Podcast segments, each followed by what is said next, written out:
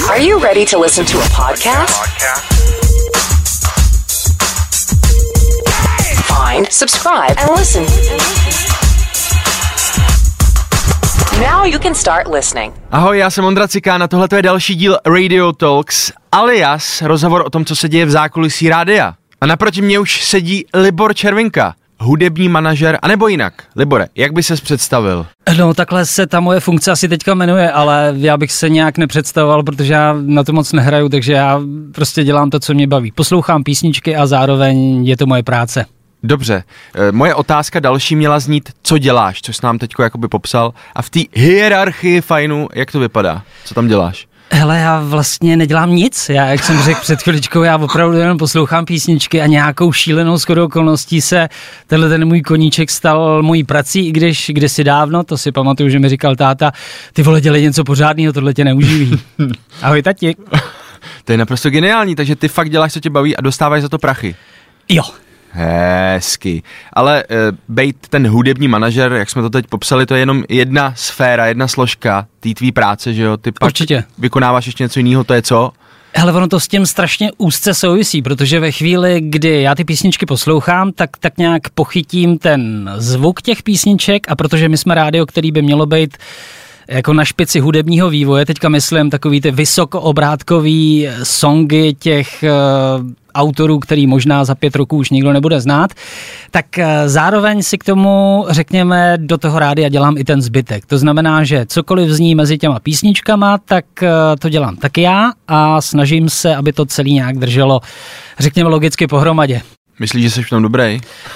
Hele, myslím, že Školy na to žádný nejsou, já jsem ani do žádný nechodil, ale myslím, že jako Fine Radio jsme teďka dobrý v takovém tom působení, jak, jak to jde ven, protože už to za prvý víc umíme a za druhý k tomu máme čím dál tím lepší nástroje a já je mám taky. Takže jo, jsem. Hele, a jak se vybírá ta muzika do toho playlistu?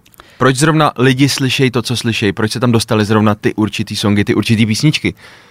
No, ono je to možná podobný, jako je dnešní doba, protože ten svět je rozparcelovaný do značek. Eh, někdo má rád, já nevím, iPhony, někdo má rád úplně jiný telefony, někdo si kupuje Adidasky a Nike by si v životě nekoupil, protože proč? Protože prostě to tak nějak podvědomně cítí. Takže uh, proč se vybírají takové písničky, jaký se vybírá? Já myslím, že takovej David Geta nebo Calvin Harris, eh, to je úplně to samé, jako je v oděvním průmyslu nebo v obuvnickém průmyslu třeba Adidas nebo Nike. Prostě eh, když eh, je něco podepsaný jménem David Geta, tak už zhruba víš, co tě čeká. Víš, že se ti ty boty nerozpadnou po týdnu, ale zase víš, že ti nevydrží úplně tři sezóny, protože brzo přijde nějaký jiný výrobce, který bude mít lepší lepidlo a bude to držet víc pohromadě. Mm-hmm.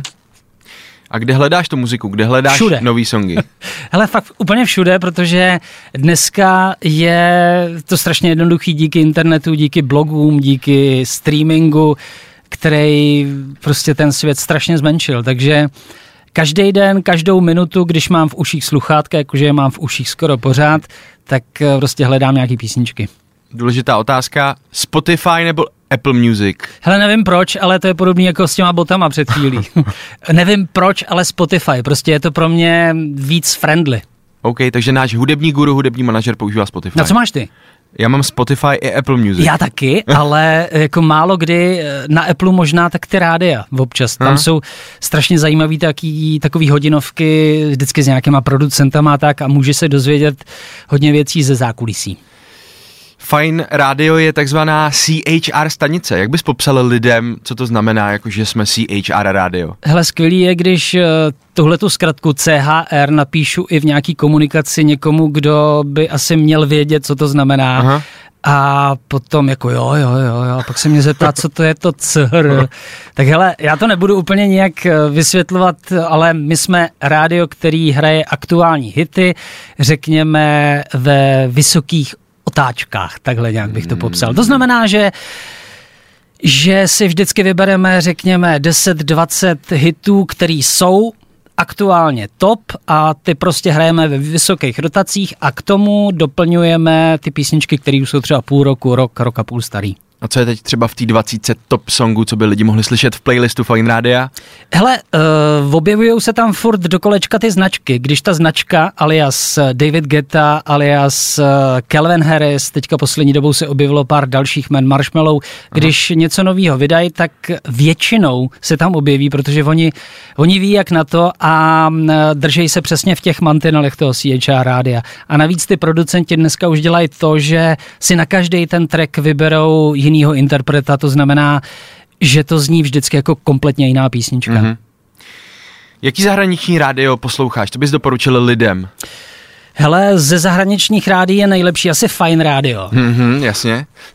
No a potom někde v dálce možná londýnský Capital, ten je skvělej. Okay. Potom určitě samozřejmě BBC, což eh, by si asi měli poslechnout. To je veřejnoprávní rádio britský, jo? jen tak jako bych chtěl říct. A v noci tam hrajou ve svých speciálech něco, co já vydržím hodně, ale třeba občas to ani já nevydržím poslouchat. Takže určitě BBC, určitě Capital. Eh, potom jsou tady takový rádia jako třeba australský Kiss, eh, australský, zdůraznuju mm-hmm. KISS. Mm-hmm. A díky tomu, že každý to může mít v telefonu v nějaké aplikaci, tak se to dá poslouchat kdekoliv. Hele, a teď teda se pouštím na ten let, ale a... co nějaký český rádio, kromě fajnu, co posloucháš? OK. Hele, já nechci být zlej, protože já si vždycky chci, nebo vždycky chci mluvit o věcech jenom pozitivně a Okay. Já nemám co říct. Perfektní. A když už jsme na tom tenkým ledě, Libore, tak moje otázka je, kolik ti je let? Mně je 51 let, prosím pěkně. To je hustý. To je hustý. Jaký to je pracovat s mladýma lidma, protože vím si, že věkový průměr tady na fajnu je kolik? 24, 25 let? To nevím, to bys měl vědět ty spíš. No, je to teda 25. A ty ho taky trošku už kazíš, ne? Já už jsem třicátník, no. No vidíš. Tak jak se ti pracuje s těma mladýma lidma? Hele, pracuje se mě úplně skvěle, protože mám dojem, že teďka do sebe všechno začíná úplně dokonale zapadat a díky té energii, která tady je, díky těm lidem samozřejmě, protože ty lidi dělají tu energii, tak eh, já mám dojem, občas, když se zapomenu, jenom samozřejmě v takových mm-hmm. niterných chviličkách, že je mi taky třeba 25, takže jsem mladší než ty. Všichni jsou mladší než já. Co jsi dělal předtím, než jsi byl na fajnu? Já jsem nikdy nic nedělal pořádného, protože já nic neumím vlastně, že jo. Takže já jsem poslouchal ty písničky, dělal jsem DJ, ale to byla doba, kdy, kdy se ještě hrálo z vinilu, teda nemuselo se hrát z vinilu, ale já jsem z vinilu hrál, protože se mi to líbilo. No a dneska se ta móda vrací, takže já jsem pořád se motal kolem muziky. Mm-hmm. Kdysi dávno jsem dělal v takovým regionálním rádiu, tam jsem dělal ranní show. Co to bylo za rádio? To bylo rádio Dragon, který teďka Aha. patří vlastně do skupiny Hit Rádí. OK. A tam si dělal ranní show? Tam jsem dělal ranní show a to byly doby, kdy uh, ještě nebyly úplně playlisty, což je docela paradox, protože i když ty playlisty potom začaly být, tak já jsem podle nich nehrál, protože mě to prostě nebavilo a jel jsem si tam celkem svůj svět, což bylo kompletně blbě samozřejmě, ale hrozně mě to bavilo. Co tě nadchlo v muzice za poslední dny a týdny?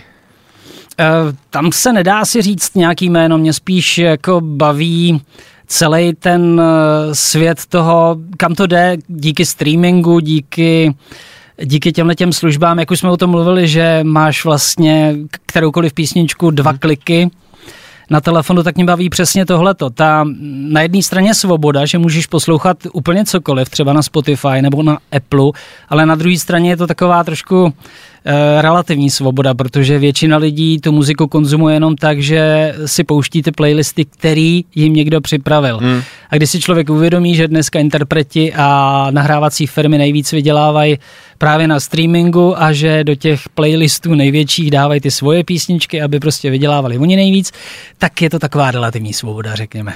OK. Hele, koho bychom měli sledovat letos na hudební scéně? Je nějaký jméno, který jako si myslíš, že bude top? Protože já musím na tebe prozradit, že ty jsi geniální v tom přijít a říct, hele, příští rok tady ten týpek udělá fakt velký hity. A což je jako super. Tak jestli máš teďko v hledáčku nějaký jméno, který bychom my, obyčejní smrtelníci, měli sledovat, protože bude brzo velký. Hele, uh, jak už jsem říkal před chviličkou, já celkem nic moc neumím, ale myslím si, že tohle to z nějakého divného důvodu prostě dokážu poznat a vůbec eh, jsem rád, že na fajnu jsme tak otevřený, že většinu těch věcí potom můžeme hrát, takže já bych určitě třeba začal domácíma klukama. Mm-hmm. Nikolas Josef, to je, to je fenomén, který se teďka může stát cokoliv. Jeho nová písnička a kapela se může stát klidně, opravdu může, letním hitem uh, ničivosti a kapely. Klidně může.